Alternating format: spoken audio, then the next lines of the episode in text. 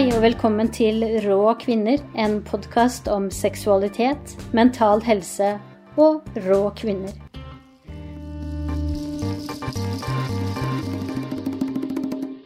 Det er nå mandag 4. november, og vi er inne i en ny og enda mer avskjerma lockdown-periode. Så da har jeg tatt med meg den beste og nærmeste samtalepartneren jeg kunne få, nemlig min samboer. Og vi skal i denne episoden snakke om forhold. Hvorfor vi danner et forhold, og hva slags forventninger vi har i et forhold, og hva slags behov et forhold fyller. Mitt nyttårsforsett er å være mindre perfeksjonist og tørre mer. Perfeksjonisme har gjort at jeg har holdt meg tilbake mye, og jeg har brukt mye tid på selvkritikk og prøve hele tiden å gjøre det mer og mer perfekt. Eh, og det fører til at jeg får produsert mindre og eh, kritiserer meg selv mer. Så i år så sier jeg fuck perfeksjonisme. Mine perfeksjonistører hører at denne, dette opptaket ikke er perfekt.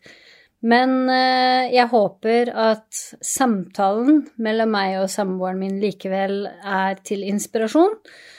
Men hvis du skulle ønske å hjelpe til, sånn at jeg får bedre opptaksutstyr, og dermed at du får en bedre lytteopplevelse, så kan du gå inn på spleis.no slash rå kvinner, RAA kvinner, og bidra med et beløp, så lite eller så mye som du vil. Nå tilbake til podkasten. God lytting. I dag skal vi snakke om eh, forhold, og da spesifikt hva vi får ut av forholdet. Og hva vi forventer i et forhold. Mm. Hva er det som er så viktig med denne tematikken for deg? Ja, det jeg tenker er at når jeg ser på meg selv og andre rundt meg, så ser jeg at uh, ulike folk de, uh, har ulike forventninger til hva forholdet deres skal være. Og det er ulike ting de får ut av forholdene. Hvis jeg ser på meg selv, så kan jeg se at ja, da jeg var tenåring og fikk min første kjæreste, så ble jeg vel kanskje kjæreste med, med henne mer fordi hun var tilgjengelig. Vi, vi, vi hadde ingen refleksjon rundt dette. Var, det bare blei sånn. Og senere, begynte å bli uh, ung voksen i 20-åra, så, var det at man søkte felles interesser eller møttes på studier og, og, den type ting. Sånn at man, man, følte at man hadde noe mer til felles. da. Gjerne en interesse eller noe sånt som bandt forholdet sammen. Mm. Ja, jeg kjenner meg igjen i at i, da, i tenåra, da jeg fikk min første kjæreste, så var ikke jeg veldig bevisst på noen ting som helst. Men uh, i hvert fall ikke da hva jeg skulle få ut av et forhold, hvorfor jeg ønska meg et forhold. Etter hvert så hadde jeg vel mer, et mer ønske om at jeg ville ha noe til felles med den jeg var sammen med. Og det var særlig etter at jeg møtte en fyr Da var jeg 22-23 år, og så møtte jeg noen som hadde en veldig felles interesse med meg. Det føltes ut som det var litt han og meg mot verden. Og så varte det bare ett år, fordi at uh, det var ikke like liv laga som det jeg først trodde. Men den, det tok jeg med meg videre, at interesser og felles interesser, det er viktig. Mm. Jeg tror også det, For å kunne klare å, å, være lykkelig i et forhold, så må man sammen klare å lage rom for begge. Og man må ha noe til felles, um, tror jeg, som, som, man deler, for at man skal kunne klare å, å, å få en sånn vi-følelse. Det er jeg ganske sikker på. Og så er det mange av disse interessene da, man, som kanskje trekker folk sammen til å bli eh, kjæreste i utgangspunktet, som, som, kanskje ikke er det sterkeste i livet på sikt. Si du har eh, to som møter hverandre for begge er veldig glad i å gå på konsert og syns musikk er veldig viktig. Det skal noe mer til, tror jeg, enn å like å gå på konsert for at et forhold skal vare livet ut. Hvis ikke det er på en måte et livsstilsvalg, at det er det som driver deg gjennom det hele. Hva mener du med livsstil? Nei, det å være kjernefamilie er en type livsstilsvalg. Det å være kunstner eh, og leve fra oppdrag til oppdrag, det er et livsstilsvalg. Og man må, man forstå pakka til den personen som man er sammen med, for å kunne gi den rom til å være den den er. Og så hvis det er motstridende eh, ønsker om hvordan man skal leve livet, så kan det være vanskelig å få et forhold til vare. Hvis vi hadde vært flinkere da, til å være ærlige med oss selv Det jeg søker dette forholdet, eh, og, og kunne kommunisere det, så kan vi tilpasse oss hverandre på en bedre måte. Men det er jo ikke alltid at man er så sikker på hva det er man ønsker. Eh, hvis man er 25, så er det ikke sikkert at man vet allerede da at man ønsker familielivet eller man ønsker eh, kunstnerlivet. Eh, Nei. så det kommer jo litt an på hvilken fase man møter hverandre i. Det er nok et veldig godt poeng. En annen ting som jeg tror det er viktig å være bevisst på, er at man går inn i et forhold med personlige behov eh, som man bevisst eller ubevisst ønsker at en partner skal få dekka. Eller skal dekke. F.eks. at man har et behov for å være veldig tatt vare på. Da hele tiden eh, forsikre seg om at eh, den man er sammen, elsker en. Det kan jo skape noen konflikter. Um, men hvis man også kjenner seg selv såpass godt, så, så kan man jo ta seg sjøl i det når, man, når det oppstår en, en reaksjon på noe den andre har gjort. Og tenke er er, er du sikker på at det ikke er bare den andre sin skyld? Mm. For ofte så er det jo sånn at man reagerer sterkt på ting som handler om følelser. Eh, og som selvfølgelig, da, da snakker jeg ikke om utroskap eller sånne alvorlige ting, men når jeg snakker om mindre ting, da kan man jo reagere uproporsjonalt eh, stort med det som skjer. Og må kanskje gå i seg sjøl mer enn å skylde på den andre. Ja. Og det kan eh, altså Jeg har erfart selv i tidligere forhold og sett i andre forhold at det hender jo at folk reagerer sterkt på noe som En forventning at, at den andre skulle ha gjort noe som de ikke har gjort. Mm. Det kan være så enkle ting som å ta oppvasken. Men eh, folk har jo historisk blitt eh, svært forbanna av at noen ikke har tatt oppvasken. Mm. Men det er nok noe med forventninger og knyttet til det, Mm. tror jeg. Ja, og noen, eh, ofte ikke helt bevisst heller. Eh, vi blir jo prega av det vi får eller ikke får i barndommen, så noen ganger så kan det jo være sånn at man søker å få det man ikke fikk av foreldrene sine, som en, eh, et jag inn i et nytt forhold og et nytt forhold og et nytt forhold. Ja. En person som f.eks. ikke klarer å være alene, men som eh, hele tida søker noen andre å støtte seg på. Det kan jo være at eh, det ligger til grunn at det er noe eh, i, rel i relasjon til foreldre, da, f.eks. Det kan godt hende. Er- Eller, eller vice versa, hvis man er sånn som aldri tør å satse på noen som helst og forsvinner før det blir et ordentlig forhold, så Mm. ja. Jeg kjenner ei jente som var litt også det der. Eh, hun hadde mange sånne korte affærer, da. Som eh, år etter år. Som var på noen måneder. Og så liksom prøvde jeg å grave litt. Hvor, hvorfor gjør du dette her, da? Og så kom Ja, det er fordi hun, liksom, hun liker den spenningen. Det er det hun vil ha. Hun søker den der at ting er nytt og spennende å utforske og liksom ha følelser på utsiden av kroppen. Det var det kicket hun ville ha ut av en partner. Mm. Um, hun har roa seg ned nå, så vidt meg bekjent. Iallfall noe. Um, men det var interessant. eh, og hun var der i livet, det hun ville ha. Uh, og jeg synes det, var, det lærte meg noe, da.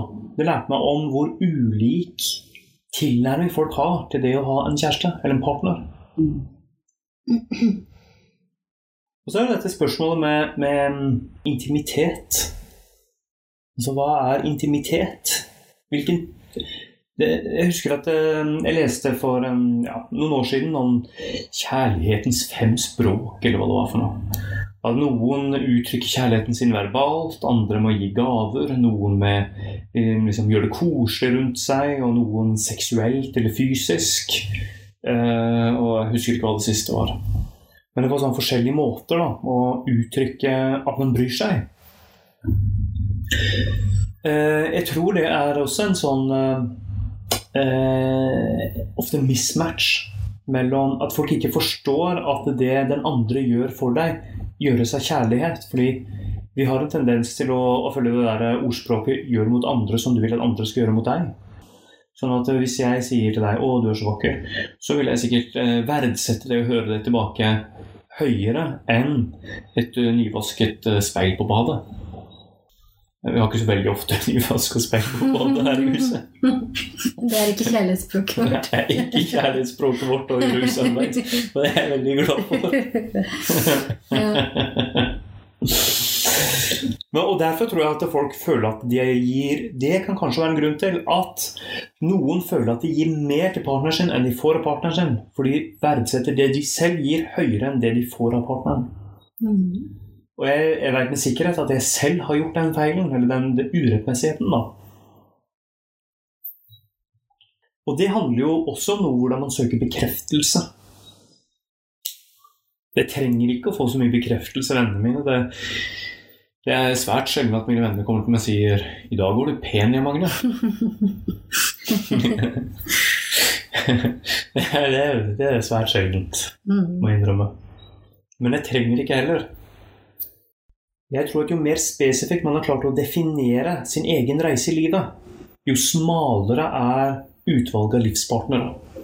Eh, Kan det kanskje tolkes mye av det som vi snakker om her, at man skal vite hvem man er og vite hva man vil, og, og, og liksom være litt rigid på det. Og det tror jeg man ikke skal nødvendigvis være. Jeg tror man skal være åpen for å, at nye partnere kan vise deg et nytt liv. For meg er det noe av det jeg søker i en partner. Det er å få innpass i en annen verden, en annen måte å se verden på. Det er kjempeviktig for meg. Det å oppleve at det går an å se verden og betrakte verden uh, veldig annerledes. Det beriker mitt liv. Ja, og så handler det jo om å ikke sette seg sjøl sånne tullete krav om at han skal være så og så høy, og så må han drive med det og det, og så må han gjøre sånn og sånn. Fordi da mister man jo Da har man en sjekkliste som alle sikkert faller utenfor. Jeg tror du er inne på noe kjempeviktig akkurat nå. Det er det med sjekklistesyndromet. Det at eh, blå øyne og B-cup, eh, pupper og eh, løpe en mil på 55 minutter er kanskje ikke de riktige kriteriene for å velge partner. Det er mer det hva, hva Hvordan blir livet ditt sammen med den partneren? Hvordan, og hva er tidshorisonten din? Det handler jo også om at man modnes sjøl og ikke er så opptatt av de ytre faktorene, Ja. men heller mer opptatt av de indre faktorene. Mm. Om hvordan kan dette mennesket passe meg på det indre planet, og ikke nødvendigvis bare på det ytre image-planet. Men så prøve å diskutere, Nå har vi snakket litt om sånn valg av partner, men de fleste, de fleste veldig mange da, veldig mange er jo i et, eh, i et forhold nå, og så føler de at et eller annet ikke funker eller er, er litt off. Og, og kanskje føler litt sånn Ja, det er jo ikke perfekt, men det funker jo. Det er jo greit. Folk skal få lov til å leve i et forhold eh, i en kort periode, en mellomlang periode eller livet ut. Sitt forhold de syns er ok. Men hva vil dine råd være til en person som eh, på det tredje året på rad føler liksom at dette forholdet slurer litt? Det er ikke, det er ikke et dårlig forhold, mens uh, kjæresten min syns sikkert at det er helt ålreit. Jeg syns han er helt ålreit, men det er liksom ikke bra. Ja, man må jo prøve å finne ut hva som ikke er bra. Hva er det som eh, gjør at man sjøl er Det høres ut som Jeg tolker det som at den personen her er litt rastløs et eller annet sted inni Ja. seg. Og da tenker jeg at da må man prøve å finne ut hva er det som ikke funker. Um, og noen ganger så er man jo utro nettopp fordi man kjenner på den rastløsheten. At det er, det er noen andre egentlig jeg trenger. Mm. Og så, før man kommer seg ut av forholdet, så rekker man da, altså da å krasje det helt til med å være utro. Nå har jeg hørt litt på Sissel Gran, og jeg syns jo det er fornuftig det hun sier at hvis man er utro, så kan det også Det, det trenger ikke være at man ønsker seg ut av et forhold, men det kan være fordi at man savner en del av seg selv. og finner det i noen andre. Ja. Så det forholdet hjemme er egentlig helt ok, men man finner noen som er kjempespennende, og så er det egentlig en kvalitet man sjøl ønsker inni seg sjøl. Og da tenker man jo at da er det interessant, og da kan jeg få mer av det hvis jeg er sammen med denne personen. Da kan man jo ende opp i en situasjon man bare får det, da. Sett litt på spissen. Hvis man hjemme har syv bra ting, og så møter man en person som har to nye bra ting, så er det jo ofte det at uh, uh, den nye leken er gøyere enn den gamle leken. Mm. Det er jo ofte sånn. Ja. Og så glemmer man at eh, hjemme så er det de syv bra tingene, da. Nettopp. Mm. Nettopp. Jeg leste for ikke så lenge siden en eh, artikkel ja, Sikkert ikke en veldig vitenskapelig artikkel, men eh, så snakker de om dette med utroskap, og at det var ikke så, så rart at folk var utro innimellom. Eh, Den sa det at eh, i en seksuell relasjon så statistisk så topper det eh, hvor gøy det er. Etter et år etter det så går det nedover. Og så sto det videre at kvinner i langvarige forhold er fire ganger så ofte gått lei av den seksualiteten i forholdet enn mannen. Og det er jo en kilde til frustrasjon fra begge, tenker jeg. Hvis hun er lei av sex med han, og han blir frustrert for han ikke får, eh, får nok, da han blir avvist. For å bruke en klisjé, da. Og også så skal visstnok en statistikk si at kvinner er no litt oftere utro enn menn. Kanskje pga. dette her. Det er en interessant uh, betraktning, eller påstand, da, i den artikkelen, eh, om, om det er sånn. Fordi hvis dette skjer med de fleste forhold, så betyr det at det må være noe annet enn sex som binder forholdet sammen. Jeg tenker at eh, sex for meg er veldig viktig, eh, men det er ikke nok for å holde et forhold sammen.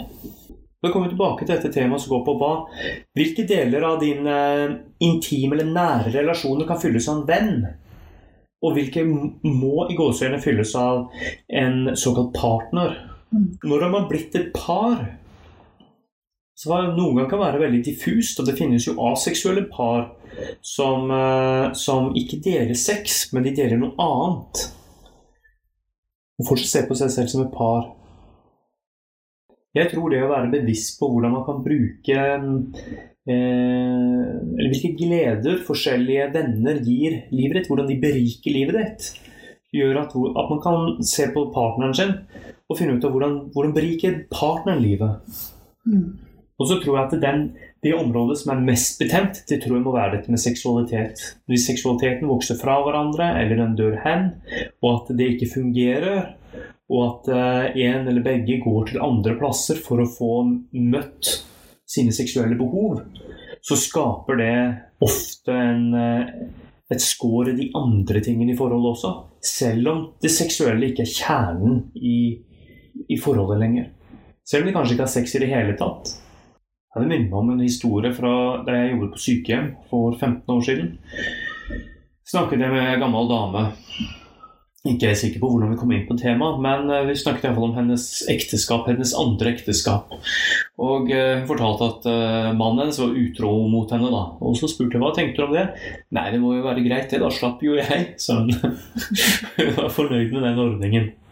Hun kunne egentlig høres ut som kunne vært mer polyamorøs. At det var helt greit å dele. Ja, jeg gikk ikke veldig inn på detaljer hvordan hun eh, levde livet sitt, men, eh, men det var en del Det var noe bitter og noe Jeg tror det var en grunn til å være en annen ektemann også. Jeg tror hun eh, Ja, hun hadde kanskje det i seg. det tenker man.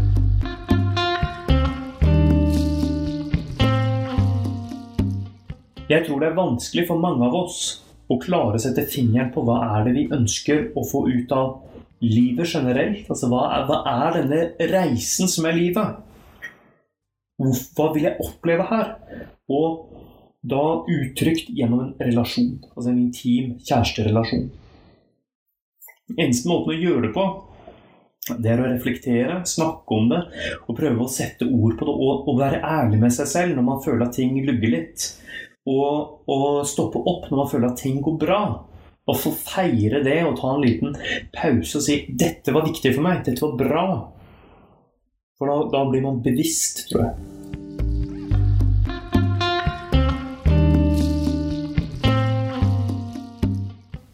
Jeg håper at du har funnet eh, litt inspirasjon i samtalen mellom oss. Og jeg ønsker deg videre en eh, god første uke inn i det nye året. Første arbeidsuke.